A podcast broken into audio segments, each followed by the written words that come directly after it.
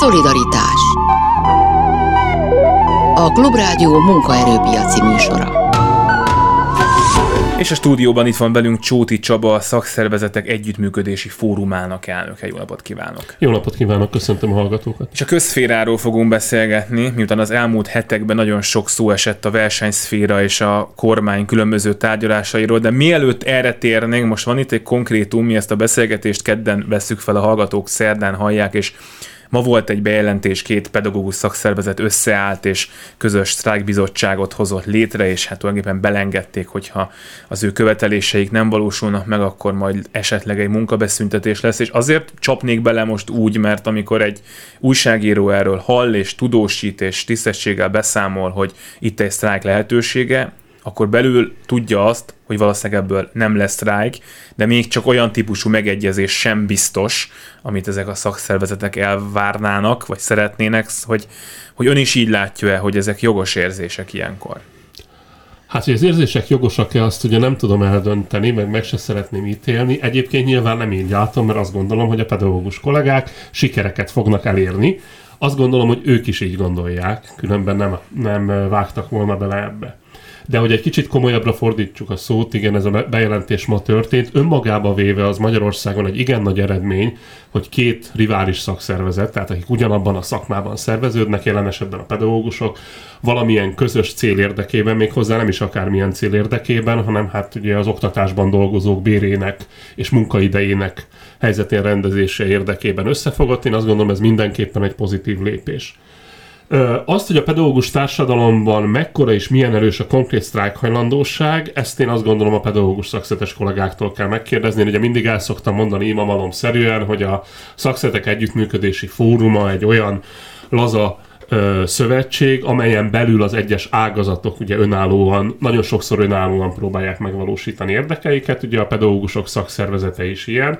Természetesen, amikor majd a PS-nek a kérése befut ilyenkor általában ez szokott történni a szövetségi elnökhöz, akkor a szolidaritásnak és a támogatás megszervezése lesz elsősorban a feladatunk. Tehát azt, hogy a részletekbe menően milyen típusú felmérést készítettek a kollégák, ezt ők tudják megmondani, de az biztos, hogy egy olyan ponton van, és ez én azt gondolom, hogy nem független azért a jelenlegi politikai klímától, tehát a választások közelettétől sem. Olyan ponton van az oktatásnak, a közoktatásügynek a helyzete, ahol a pedagógusok szakszervezetek, szakszervezetei azt hiszem, hogy jól mérték meg, hogy ebben a pillanatban a sztrájk tárgyalások megindítása az önmagában egy nagyon fontos lépés azért, hogy legalább a béremelés érdekében eredményeket tudjanak elérni. Az, hogy mennyire lesz sztrájk, ez nagyon messze vinne, és nyilván a hallgatókat nem ezzel fogjuk terhelni. Ez nem elsősorban azon múlik, hogy a pedagógusok szakszervezetei mennyire tudnak összefogni, hanem azon, hogy ez, ez ami átkunk, ez az úgynevezett elégséges szolgáltatások kapcsán ők a különböző jogi utakat milyen módon tudják végigjárni. Sajnos ebben van önnek igaza, hogy ezt az eddigi tapasztalatok alapján nagyon nehéz egy nagy hurrá optimizmussal fogadni. Néhány műsorral ezelőtt volt itt a, sztrájk, a sztrájkról egy adás, és akkor azt megbeszéltük az itt jelenlévő kollégáival, hogy azért nagy különbség van a közszféra és a versenyszféra tekintetében ebben a témában, hogy a versenyszférában azért sokkal könnyebb sztrájkolni adott esetben, mint a közszférában, ezt így érzi -e? Hát nekem ettől az egy külön véleményem van. Én azt gondolom, hogy pontosan ugyanolyan könnyű sztrájkolni a közszférában és a versenyszférában, amennyiben a közszférában lévő munkáltató is ugyanúgy betartja a játékszabályokat, ahogyan betartja magánszférában. Magyarán szólva, ha a magyar kormány is olyan módon folytatja le a sztrájk tárgyalásokat, ahogy egyébként a Magyar Országgyűlés által elvárt a nagy multinacionális cégektől, akkor lehet sztrájkolni a közférában. Az, én azt gondolom, az, ne, az, nem, az nem állja meg a helyét, hogy jogi akadálya van Magyarországon a közféra sztrájkjának, azt viszont, mint a korábbi egységes országos közszolgálati sztrájkbizottságnak az ügyvívője, el tudom mondani, hogy mindent megtesz a magyar állam, mint munkáltató azért, hogy a legkisebb jogszabályi csűrés csavarással, egyeztetések elhúzásával ellehetetlenítse a sztrájkot. Ezt egyébként annak idején is elmondtuk jó párszor, hogy abban a szent percben, ha valamely multinacionális cég, nem véletlenül ezt hangsúlyozom, és nem a hazai vállalatokat, ilyen módon lépne fel a munkavállalóival szembe, az első a jelenlegi magyar kormány lenne, aki megkongatná a vészharangot, hogy hát ez milyen kiszipolyozása a magyar munkavállalóknak, hogy ilyesfajta látszattárgyalásokat folytatnak. Én azt gondolom, hogy ez egy, ez egy elsősorban politikai probléma Magyarországon is. És mondjuk mennyire jogi probléma, vagy mennyire a bírósági gyakorlat problémája, mert mondjuk visszaugorva még tényleg utoljára csak a pedagógusokhoz, ők azt mondják, hogy nem is kéne, hogy az elégséges szolgáltatás az ő esetükben felmerüljön. Lehet, hogy egy szülő meg azt mondja, hogy de hát azért mégiscsak legyen már pedagógus az én gyerekemmel, akkor is, hogyha ti egyébként sztrájkoltok, és én ezzel adott esetben egyetértek. Tehát, hogy mondjam, nem én akarok az lenni, aki egy bíró helyett megmondja, hogy egy iskolában hány pedagógusnak kell ahhoz dolgoznia, hogy ott a gyerekek el tudjanak lenni, és valami munka is folyjon, akkor, amikor egyébként a többiek pedig a jogos igényeiket sztrájk formájában próbálják meg. Igen, hát ezzel a hozzáállással nem szokott működni egy társadalom, hát a magyar társadalom nem is működik. Tehát azt kell, hogy mondjam, hogy nem nincs igaza a szülőnek. Egyébként nem is gondolom, hogy a szülők tömegeinek lenne ilyen problémája. Az egészséges szolgáltatások kitételre ebben a formában, ahogy most létezik, nem a közférában vagy a pedagógus ágazatban nincs szükség, hanem egyáltalán nincsen szükség.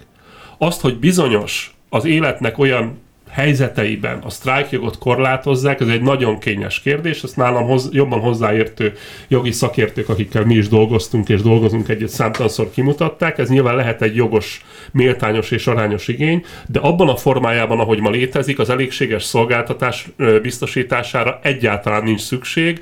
Ez egy minden esetben a munkaadó és az állam túlhatalmát biztosító teljesen aránytalan szabályozás a jelenlegi munkatörvénykönyvében és a jelenlegi sztrájkjogban. Ugorjunk át oda, hogy az elmúlt időszakban rengeteg szó esett a minimálbérről, meg a minimálbér tervezett emeléséről, és ilyenkor a versenyszféra és a kormány állandó konzultációs fórumának a szereplői itt szoktak lenni, amiből következik is már az elnevezésből, hogy a közszféra szakszervezetei ebben ilyenkor nem vesznek részt. Kérdezem is, hogy egyáltalán nem vesznek részt, mert azért felmerül ez a kérdés, a minimálbér, meg a minimálbérhez kötődik, minden bér utána, mert ha a minimálbér nő, akkor nyilván a többi is fog. Tehát, hogy ehhez azért önöknek is nyilván van, van köze. Hát ugye erre szokták mondani, hogy rendszer szintű probléma van Magyarországon. Tehát eleve Magyarországon a minimálbérhez és a garantált bérminimumhoz nagyon erősen tapadnak a bérek, ez kétségkívül így van, ez önmagában is egy egészségtelen helyzet, azt kell, hogy mondjam. Nem a mindenkori hatósági ár, hogy akkor ilyen klasszikus módon fogalmazza, kellene, hogy meghatározza a bért, hiszen ez egy gyakorlatilag egy hatósági ár, aminél nem vesznek figyelemben különböző munkaadói és munkavállalói érdekeket, hanem megállapításra kerül, ettől hatósági ár.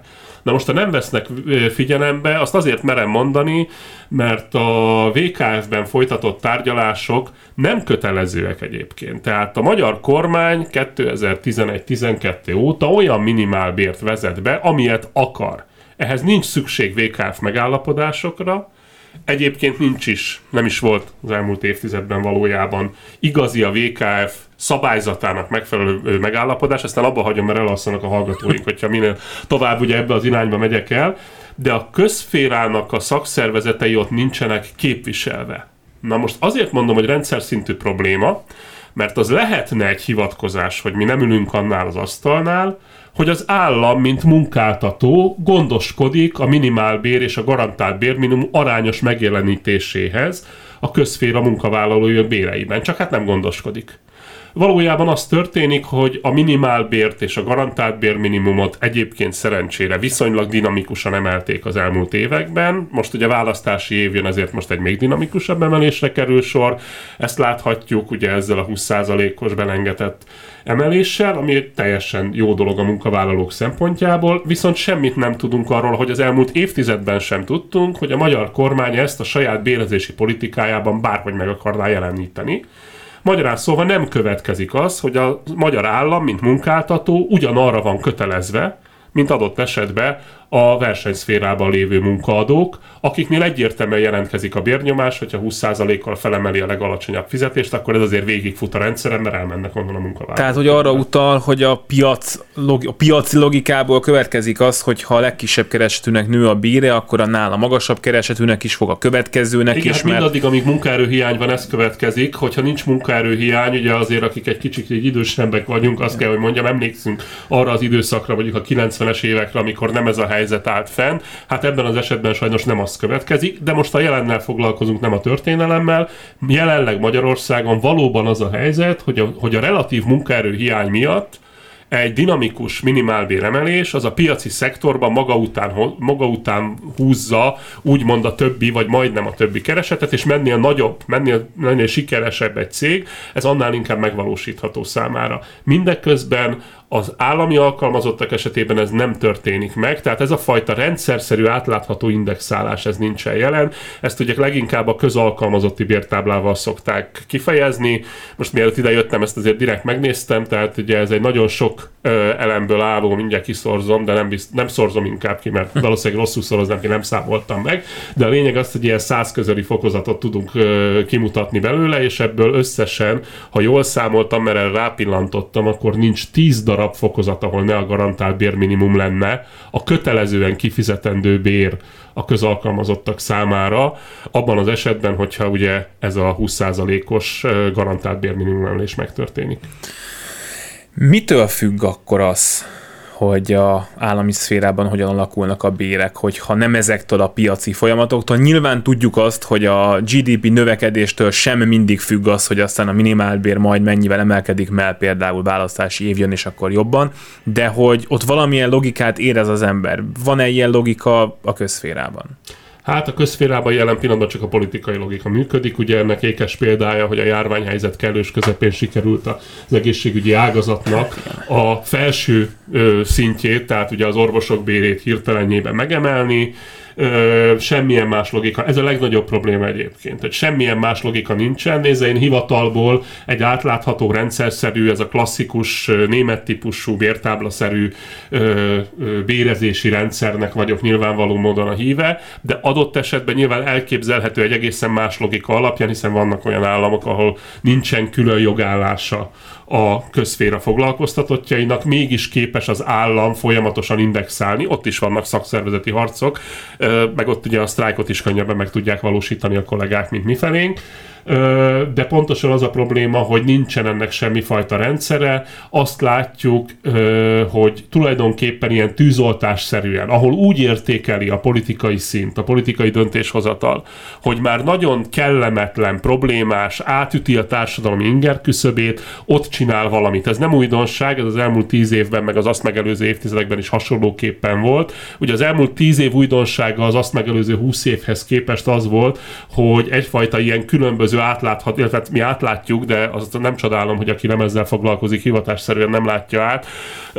Pótlékrendszert alakított ki a rendes bér szerint, és tulajdonképpen az állami költségvetés ehhez biztosít valamilyen módon fedezetet. Ezzel csak az a baj, hogy ez nem egy kiszámítható bérezési rendszer, miközben a teljes állami szolgáltatási szektor arra épülne, hogy kiszámítható szolgáltatást kiszámítható személyekkel nyújtson. Azt meg lehet mondani ilyen egyszerűen, hogy honnan jön a közalkalmazottak fizetése, mert ugye, hogy vannak, akik az önkormányzatoknál dolgoznak, van, aki állami szférában dolgozik, van, Igen, aki... az államtól jön. Adott esetben különböző transformációkon keresztül, Tehát ez az így nézik önök, igen. Így van. Ez az állami költségvetésből keletkezik. Az állami önkormányzati alkalmazottak bére, teljesen mindegy, hogy munkatörvénykönyve alatt dolgoznak, KJT alatt, kormányzati alatt, szolgálati jogviszony alatt, hadd ne soroljam fel az összes, most már több mint egy tucat jogállást, ahova ezeket a kollégákat tették, adófizetők pénzéből a magyar állam biztosítja ezeket a fizetéseket. Az önmagába véve már egy belső politikai játék, hogy a kötelező béren túl Na ezt akartam kifizetendő részt azt mondjuk ráterheli úgymond az önkormányzatra, mintha az önkormányzatnak lenne bárhonnan olyan sajátos bevétele, amit az alkalmazottak bérére fordíthat, illetve nem terheli rá, hanem meghagyja. Ugye azért ez alapvetően Magyarországon a főváros erőteljes túlsúlyából és fejlettségéből fakadóan nagyjából azt jelenti, hogy a főváros és az ország egy-két nagyvárosában az önkormányzat kiszorítja nagyon sok esetben, hogy ezeknek az embereknek a kötelező béren kívül valamennyit hozzátegyen, ezzel még mindig nem érik el egyébként a normál piaci bérszintet, aztán az ennél kisebb településeken meg ezt az önkormányzat nem teszi. Praktikusan azért nem, nem teszi, tudja. mert nem tudja megtenni. Ennél azt kell, hogy mondjam, hogy kevesebbe kerülő dolgokat sem tud ma már megtenni az önkormányzat. De hogy akkor ez praktikusan azt jelenti, hogy egy közférában dolgozó attól függően, hogy melyik városban él és csinálja nagyjából ugyanazt a munkát, kereshet egészen különböző Óriási különbségek lehetnek e között. Sőt, azt kell, hogy mondjam, hogy egy olyan nagy mamut szervezet esetében, amely közvetlen minisztériumi fenn, ö, működtetés alatt áll, a minisztériumtól kapott bértömegből, hogyha olyan a vezető hozzáállása, itt egykori munkahelyet a Magyar Nemzeti Levéltárat tudnám említeni, ott bizonyos kollégáknak lehet juttatni jelentős kiegészítést. Ugyanezt próbálja meg mondjuk egy kis települő, vagy egy közepes települési városi múzeum fenntartója elérni, értelemszerűen neki nem áll rendelkezésére az a forrás, ami adott esetben rendelkezésre állhat ezen a ponton. Azt azért hozzátenném, hogy a Nemzeti Levéltárban dolgozó kollégáink sem feltétlenül azok, akiknek versenyképes bérei vannak mondjuk a, a mutációs cégeknél dolgozó hasonló képzettségű emberekkel. Ezt azért mondom a mutációs cégeket, mert például az info szektor területén, adatrögzítés, adatfeldolgozás területén van például átfedés, még ezzel a szakmával és szaktudással is. Mennyire nem tudom, történelmileg alakult az úgy, hogy a közszférában egy picit kevesebbet lehet keresni, vagy nagyon kevesebbet bizonyos szektorokban, mint a versenyszférában. Tehát így kell ennek lennie, nyilván erre azt fogja mondani, hogy nem, meg utalhatnánk olyan országokra, ahol nem tudom, a pedagógusok bére az sokkal versenyképesebb, mint Magyarországon, de hogy, hogy miért van ez így? Hát nyilván nem fogok százszázalékos választ adni, mert azért ekkora tudással nem rendelkezem. A saját véleményem az, hogy egy óriási félreértésen vagyunk túl a 90-es évek és a 2000-es évek első felét követően. Ez az óriási tévedés pedig nagyjából az volt, hogy minél kisebb államot kell működtetni, és akkor az majd jó lesz. A minél kisebb állam, meg a politikusok nyelvére lefordítva azt jelentette, hogy minél kevesebben dolgozzanak az államnak, mert hogy a bérköltségek relatíve magasak, mindenhol a bérköltség ugye a, a mindenfajta gazdálkodásnak a legmagasabb ö, része, tehát a versenyszférában is az adott esetben így van, és hát ebből a tévedésből kifolyólag nagyon, azért néhányan még emlékszünk arra, hogy úgy próbálták csökkenteni az állami alkalmazottaknak a létszámát, hogy ugye adott esetben elvontak hatásköröket, szűkítették a területet, abból kifolyólag, hogy majd, hogyha beszűkül mondjuk ott, ahol eddig tizen dolgoztak, ott majd öten fognak dolgozni, jobban képzettek, akkor majd emelkedni fog a bér, mert több fog maradni. Na most hát ez egy kicsit olyan, mint amikor a gazdag ember azt mondja a szegénynek, hogy ha minden hónapban félreteszel kettő forintot, akkor egyszer majd neked is lesz egy millió. De hát tudjuk, hogy sose lesz a szegény embernek a két forintból egy milliója. Tehát én úgy gondolom, hogy itt ez egy alapvető politikai, szemléletbeli, ha úgy tetszik, ideológiai probléma, ami Magyarországon a közféra egészét sújtja egyébként. Ezen belül kiemelten azokat az ágazatokat, ami az oktatás, az egészségügy, a szociális ellátás, tehát amire azt lehet mondani, hogy, hogy a társadalom egyes tagjai által nem magas presztízsű. Azért mondom így, mert persze most megkérdezünk valakit, hogy fontosnak tartja a tanár kollégák munkáját, nem lesz ember, aki azt mondja, nem tartja fontosnak. Mégsem azt tanítják a gyerekeknek, hogy menjetek el általános iskolai tanítónak, hanem azt, hogy menjetek el a jogi egyetemre, és legyetek céges jogászok. Tehát ezért mondom, hogy ez a fajta társadalmi presztis sajnos nagyon alacsony, és ez működőképes volt. Most már az, az látszódik ebből a helyzetből, hogy valójában nem megoldás az, amit egyébként az elmúlt években mi úgy neveztünk el a közférás szakszervezetekben, hogy egyfajta lopakodó leépítése a közszférás jogállásoknak, mert attól, hogy a munka törvénykönyve érvényes valahol, itt megint az én valami szakmám utalnék vissza a közgyűjteményi közművelődési területre, attól nem fognak emelkedni a bérek, mert ugyanannak a munkáltatónak az államnak kellene betenni ugyanúgy a magasabb bért, ahogyan ezt korábban is megtehette volna. Igen, jó, hogy utal erre, mert ezt akartam kérdezni, egészen pontosan úgy, hogy mennyit veszített a közféra az elmúlt időszakban. Ugye itt utalt a könyvtárakra, múzeumokra, egyetemek kerültek ugye most éppen alapítványi fenntart fenntartás alá, de a szakképzésben is a pedagógusok egy része most már más képen dolgozik, mint korábban. Ez mit jelentett? Akár az önök számára, tehát hogy veszítettek-e tagokat amiatt, mert bizonyos emberek már nem, a, nem, nem így tartoznak a, a közalkalmazotti ö, réteg alá. Mit jelentett ez az a változás? átszervezések pillanatában ö, munkavállalók távoztak, és voltak köztük szakszervezeti tagok is, de én nem tapasztaltam, nekem nincsen információm az ágazati szakszervezeti vezetőktől arról, hogy itt tömeges lelépés lett volna a kollégák részéről de azt gondolom, hogy ez nem azt jelzi, hogy, hogy rendben volt, ami történt. Ez egész egyszerűen azt jelzi, hogy az emberek nem akarják elveszíteni a munkahelyüket. Hát világos. Csak uh, ugye amikor ez történt, akkor az egyik átszervezés melletti érv az volt, amire ön már itt valamennyire utalt, hogy hát majd akkor több lesz a fizetés. És lehet, hogy egyén szintjén vannak olyanok, sokan, nem tudom, akiknek abszolút megérte az új jogállás, most jobban keresnek, és igazából mindegy nekik, hogy most a munkatörvénykönyv alatt dolgoznak, de amire ön az előbb utalt, a pénz ugyanonnan jön. A pénz ugyanonnan jön, kutatás nem készült még rá, én szeretném, ha készülne, azért ehhez elég nehéz partnereket találni, úgyhogy azt tudom mondani, hogy nekem van egy olyan érzésem, hogyha készítenénk egy szignifikáns kutatást arra vonatkozólag, hogy a közférából kiszervezeteknél a, a keresetek növekedésének aránya hogy alakult, akkor hatalmas meglepetésünkre azt fogjuk tapasztalni, hogy jellemzően a vezetői középvezetői réteg az, aki hozzájutott a magasabb kereset kiegészítéshez, mert hogy a munkatörvénykönyve alatt egy munkahelyi vezetőnek sokkal egyszerűbb meghozni azt a döntést, hogy kit premizál. Na most, ha eltekintünk attól a szemponttól, hogy esetleg részrehajló, notabene nem vonja be a premizálásba a szakszervezetet, hanem azt gondoljuk, hogy ő kizárólag, mint vezetői, hogy mondja, munkaszervezési szempontot néz, akkor, akkor eleve fejnehéz lesz a középvezető és attól felfelé levőknek a bérezésének a felhúzása, mert őket lehet megtartani. Tehát ez egy kicsit olyan, mint a Fidesz kormánynak a társadalom és szociálpolitikája, hogy mennél lejjebb vagy, annál rosszabbul fogsz járni, és mennél feljebb vagy, annál több kedvezményt kapsz.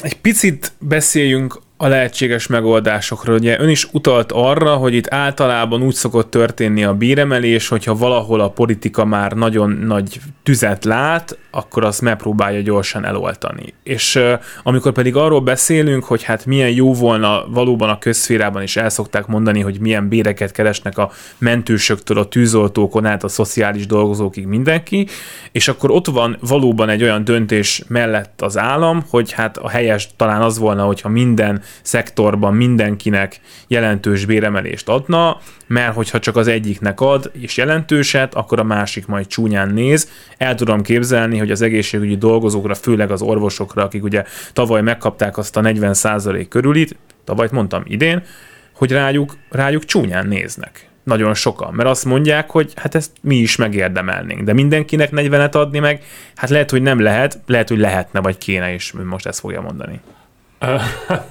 Hát ugye lehet, szóval, ugye nem tudom, szóval mindent lehet, hát ugye vannak uh, új baloldali gondolkodók, akik szerint ugye a, a nyomtasson a jegyban pénzt, igen, igen, igen, mert nyomtasson a jegyban pénzt. Én elég erőteljesen baloldalinak tartom magam, de mondjuk nekem azért ezzel kapcsolatban vannak fenntartásaim, tehát lehetni éppenséggel mindent lehet, de most, amit ön mondott, azt kell, hogy mondjam, hogy itt harapott a farkába a kígyó, ha nem építik le azt a, az állami foglalkoztatási rendszert, amely sokkal kevésbé tagoltak szét a közszolgáltatásban, a közférában dolgozóknak a jogállását, és ez nem csak a bérről szól, hanem jogbiztonságról, sok minden másról, egyébként kötelességről is, amit ugye el kell végezni, hanem esetleg ezt továbbfejleszti, egységesíti, akkor létrejön egy olyan rendszer, amiben nem automatizmus, tehát ez sose könnyű, és vitákkal járó helyzetben egy folyamatos, kiszámítható indexálásra van lehetőség, és akkor mindenkinek lehet emelni.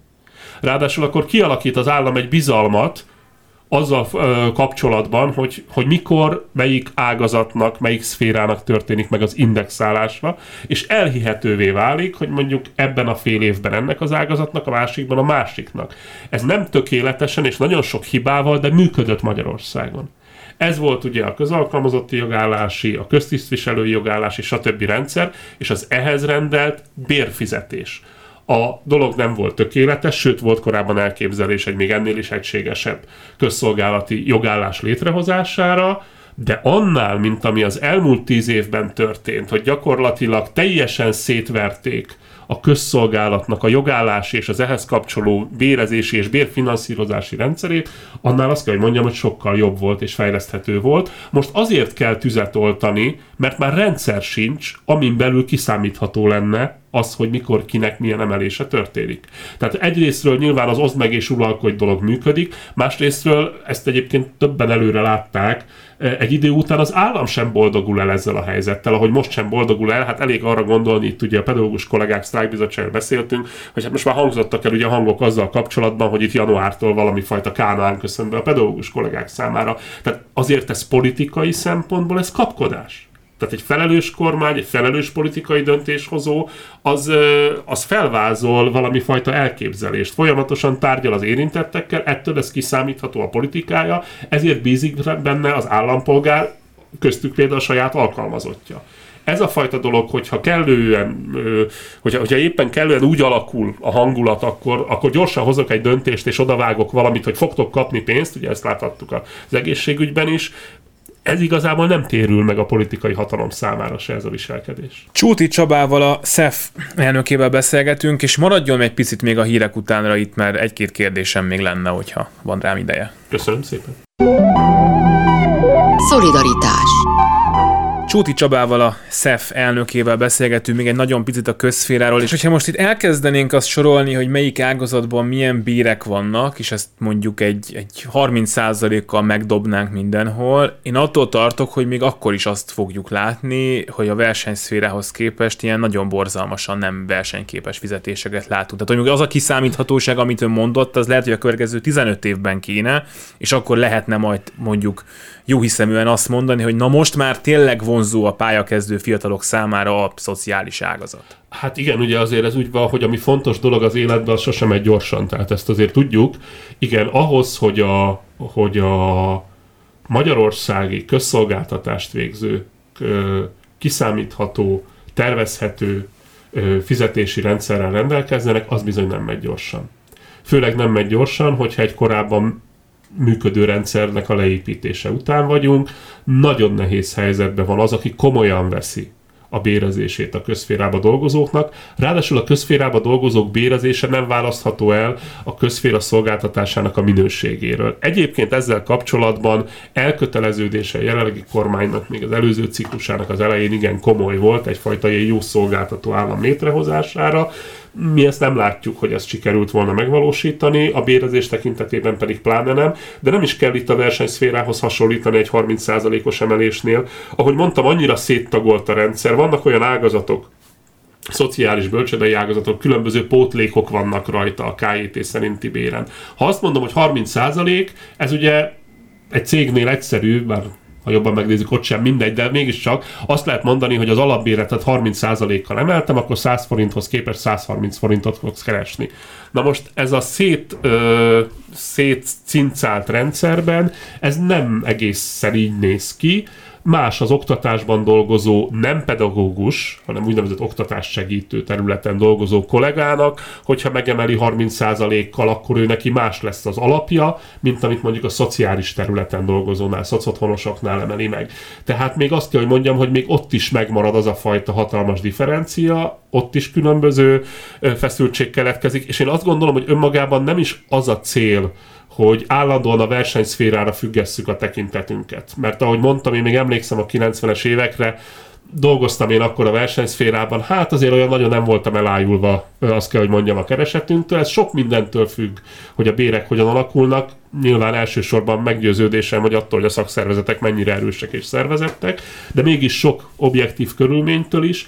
A közférában dolgozóknak az, az kell, hogy legyen a mérce, hogy ott tartja őket a pályájukon az, hogy kiszámítható a jövőjük. Ezért nem váltanak munkahelyet. Hát egy 20 éves ember számára, aki még egzisztencia alapítás előtt áll, az, hogy adott esetben fél évente váltja a munkahelyét pusztán a magasabb keresetér, még a szakma is más, lássuk be egy teljesen normális élethelyzet, valamiből építkezni szeretne. Aki a közférát választja, ez a világon mindenhol így van, az erről a fajta flexibilitásról és gyakorlatilag több pénzről lemond azért, mert kiszámíthatóbb a keresetének az alakulása, és később, de eljuthat ugyanabba az egzisztenciás biztonságba. Tehát nem a versenyszféra bérét kell elérni, hanem tisztességes megélhetést kell biztosítani a kollégák számára.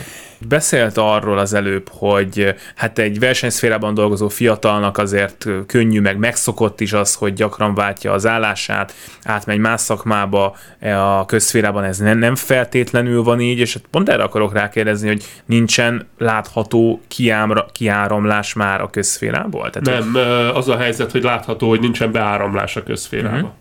Tehát itt a, itt a fiatal generációnak a belépése, azok, akiket szeretnek úgy nevezni fiatalságkutatók, hogy nagyon magasan képzett fiatal generáció lép be a munkaerőpiacra, ezt már egy évtizede hallgatjuk, egyébként így is van, és Ö, azt nem mondom, hogy egyáltalán nem jelennek meg a közférába, de nagyon rövid ideig maradnak a kollégák. Egyébként nem csak bérhelyzet, csak minden más miatt is, de hát döntő az, hát, ö, tehát hogy mondjam, akinek még nincs saját lakása, az szeretne lakást venni. Én azt gondolom, hogy azért nem lehet elítélni senki. Hát igen, vagy gyereket, vagy, vagy ilyesmi. Igen. És ebből azért nem az következik megint csak, hogy hát, hogy, hogy telik az idő, úgy lesz nagyobb a baj.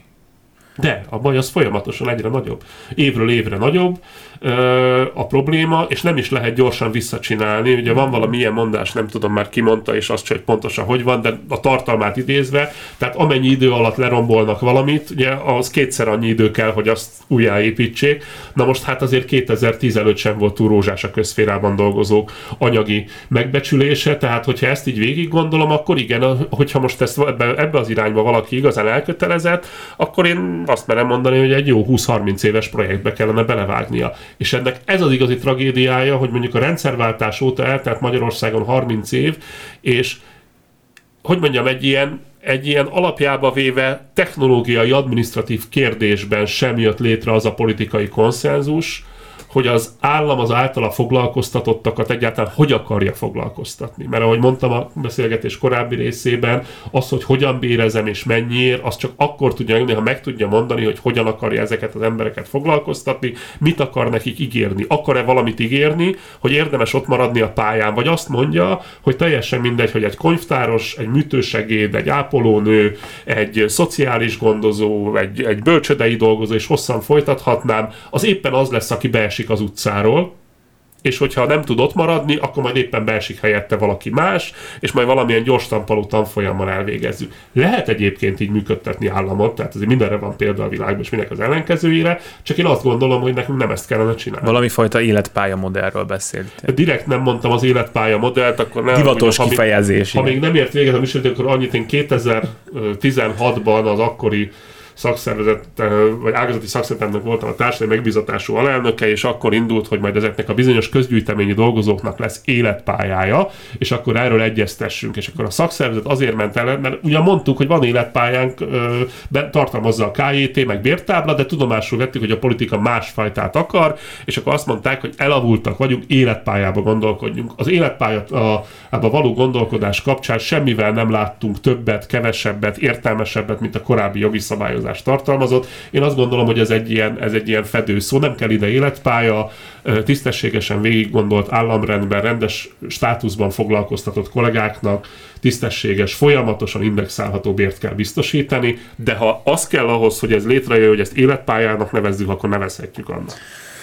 Egy dolgot kell még kérdeznem, mert ugye már a beszélgetés elején tisztáztuk, hogy az állam adja a pénzt, és a magasabb bérből ugye az következik, hogy az állam több pénzt ad, a költségvetés véges, az állam majd valamire kevesebbet költ, és hogyha mondjuk ebben a bér dologba gondolkodunk, akkor most biztos, hogy lesz hallgató, aki rávágja, hogy a helyettes államtitkárokat kell megfelezni, és akkor ezt meg is oldottuk, mert ők úgyis sokat keresnek. De lehet, hogy lesz olyan hallgató, aki azt mondja, hogy Marika ott az önkormányzatnál, meg a kormányablakban mindig cigizik, és sose csinál semmit, akkor rúgjuk ki őt. Tehát, hogy van egy ilyen kérdés mindig, hogy lehet-e valahol spórolni, és én lennék az utolsó az, aki meg akarja mondani, hogy adott településen kell-e három könyvtáros, vagy elége kettő, de mit gondol erről? Hát én nem vagyok egy irigy típus, de elnézve a mai helyzetet mondjuk a helyettes államtitkárok fizetéséből valóban lehetne levenni. Sajnos ebből nem jön ki egyetlen ágazatban dolgozó kollégáknak a bére sem. 10 forinttal meg nem érdemes emelni a bérüket, mert az azt gondolom hogy tényleg a megalázás kategóriája. Viszont amit ön mondott, az is mutatja, hogy milyen milyen rapid módon és átgondolatlanul gondolkodik ma Magyarország, azt kell, hogy mondjam erről a kérdésről.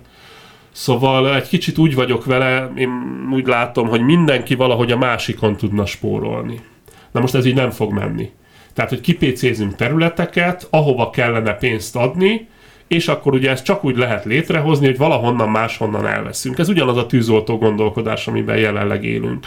Azt kell átgondolni, hogy mi az, amire az államnak szüksége van. Ezt egyébként politikusok sokszor elmondták. Valahogy ez az átgondolás, ez sosem sikerül úgy összehozni, hogy az államnak ö, jól fizetett munkavállalókra lenne szüksége, akik leadminisztrálják az államügyeit. Márpedig én azt gondolom, hogy tulajdonképpen erről van szó.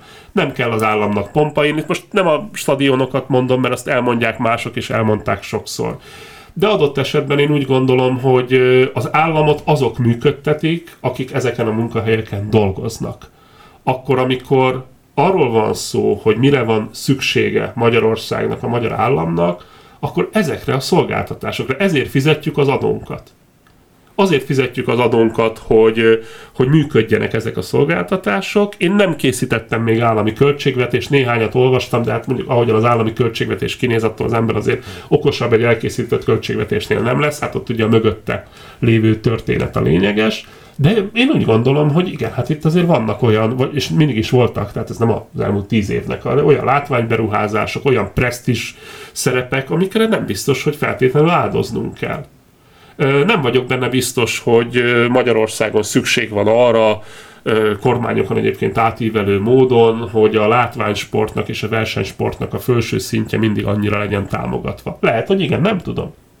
Nem vagyok benne biztos, hogy minden munkaadót adott esetben, minden válság esetben úgy kell támogatni, ahogyan ez a korábbi időszakban megtörtént. Nem vagyok biztos a nagy építkezésekben, beruházásokban, de ez nem a spórolásról szól, mert pont azt szerettem volna mondani, hogy a szerkezeten kell gondolkodni, nem arról, hogy elveszek valahonnan és átteszem a másikba.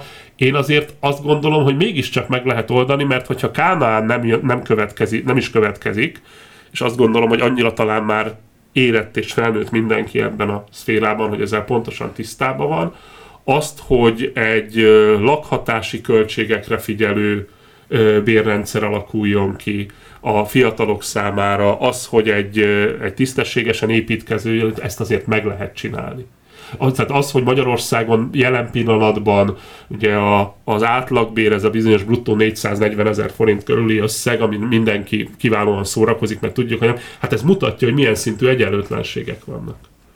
Tehát ahhoz, hogy ez az összeg kijöjjön, valahol valakiknek nagyon sokat kell keresni, mert a társadalom többsége nem keresi meg ezt az összeget. Tehát ez érinti igen az adórendszert, érinti a járulékrendszert, és hát igen, én úgy gondolom, hogy a szolidaritásnak nem része az egy kulcsos adó, nem így kell működtetni ö, egész egyszerűen az államot. És akkor ki lehet fizetni az alkalmazottait is. Ön le tud ülni, ülni egyébként hébe-hóba döntéshozókkal, hogy ilyesmiket mondjon nekik, mint amiket most itt mondott?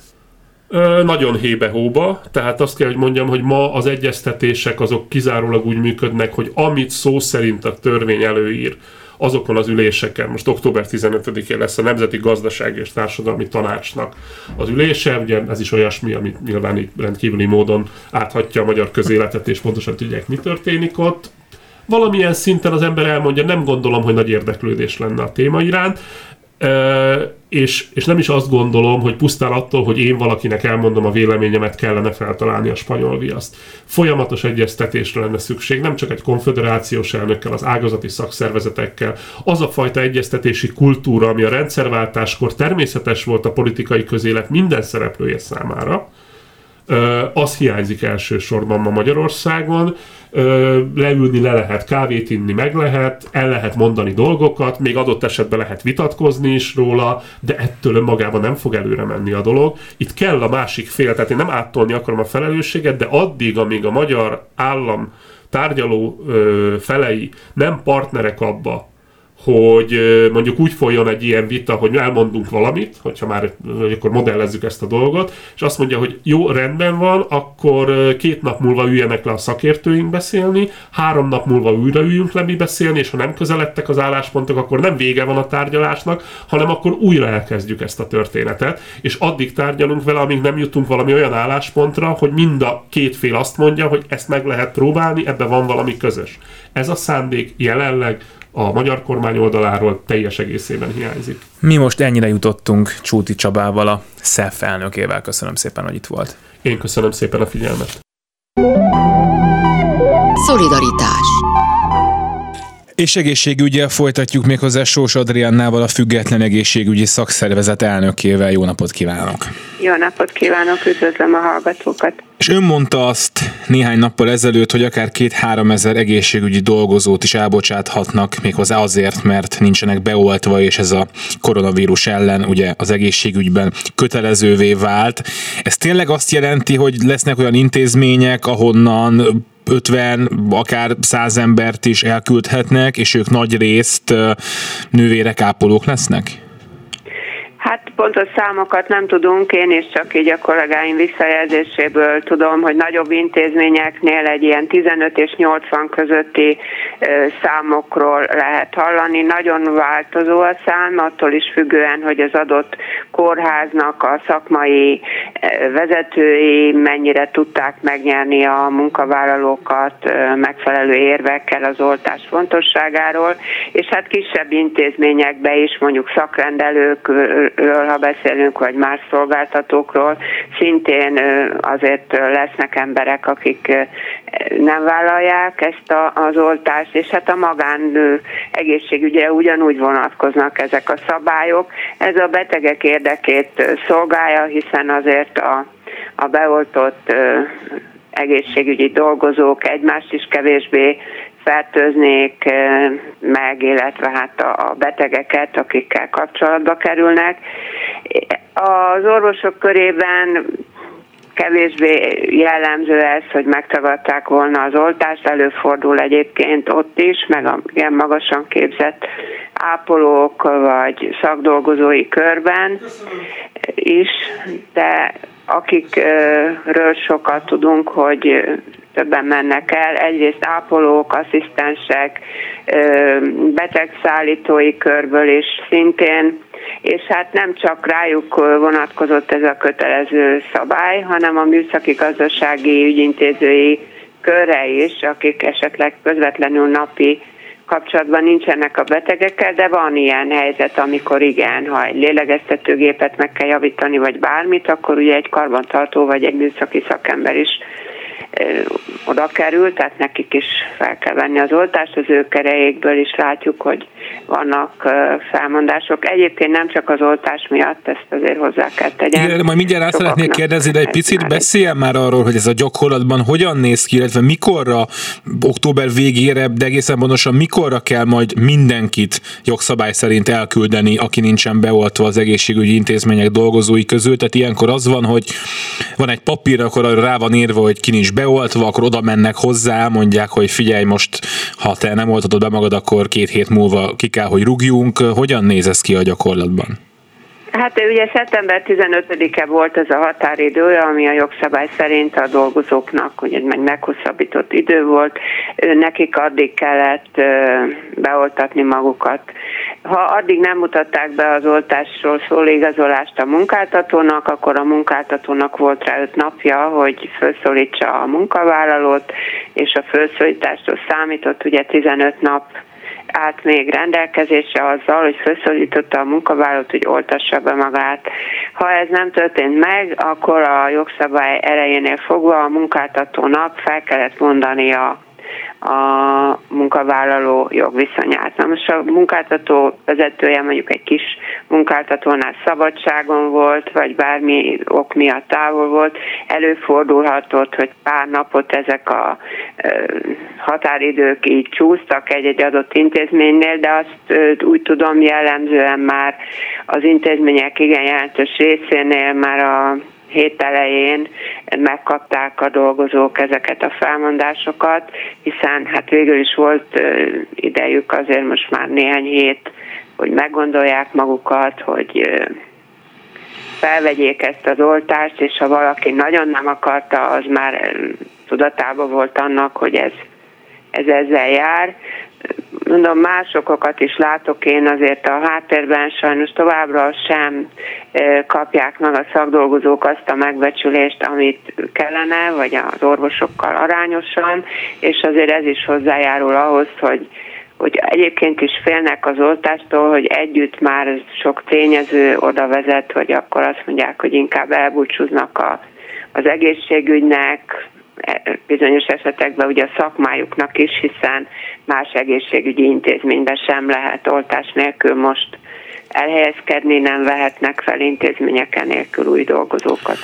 Nekem is ez jutott pont eszembe, hogy ez mennyire szólhat arról, hogy itt már egyébként is olyan emberek, akiknek nagyon elegük volt, eddig még tartották magukat, és most erre azt mondták, hogy jó, hát egyébként is borzalmasak a körülmények, egyébként is sokat dolgozunk, egyébként is keveset keresünk, ha még kötelező oltás is akartok, akkor, akkor azt már tényleg nem. Illetve az is érdekelne, hogy ez, ez mennyire okozhat akár olyasmit is, hogy más egyébként beoltott dolgozók is azt mondják, hogy hát elment innen, nem is tudom, 20 ember, találtak helyet, el tudtak helyezkedni más szakmában, hát akkor én is el tudok, akkor én is elmegyek. Egyébként is ebből tíz a barátom volt, még rosszabbul is érzem magam, mint korábban, tehát hogy lát-e esetleg ilyen lehetőséget ilyen következményre? Tehát ugye az, az oltás nem vállalók egy, egy köre olyan nem tudom mi, stresszes emiatt az oltás miatt, hogy ugye ők emiatt lehet, hogy önmagába is emiatt is elmentek volna. De azért nagyon sokan vannak olyanok, akik egyrészt úgy érezték, hogy ők védettek, mert átestek a betegségen, nem volt megfelelő a felvilágosítás ezzel kapcsolatban, vagy össze-vissza információk kerengtek, de mindenképpen az a, az a kifáradás, kimerülés, ami az elmúlt hónapokban van, sok esetben a fekvőbeteg ellátóintézményekben rengeteg túlmunka, a megbecsülés hiánya, és hát most ez a, a felemásra sikerült orvosi béremelés, és a többiek meg nem kaptak semmit, és ezek az arányok nagyon fölborultak, és úgy érzi nagyon sok ember, hogy őt nem becsülik meg. Nagyon sok helyen a munkáltatónak a, a magatartása is hozzájárul, mert egyszerűen nem jó a bánásmód, és az emberek úgy érzik, hogy nem bírják ezt már így tovább folytatni. Na most hát ugye nagyon nagy probléma az, hogy most elmennek megint változó, hogy egy-egy munkáltatót hogy fog ez érinteni, vagy egy-egy munkahelyet, és akik ott maradtak, azoknak akkor megint az van, hogy sokkal többet kell dolgozni, vagy úgy kell többet dolgozni, hogy több beteget kell ellátni ugyanabban a főállású munkaidőben, vagy úgy is, hogy több munkaidőt kell fordítani, és már így is nagyon ki vannak merülve.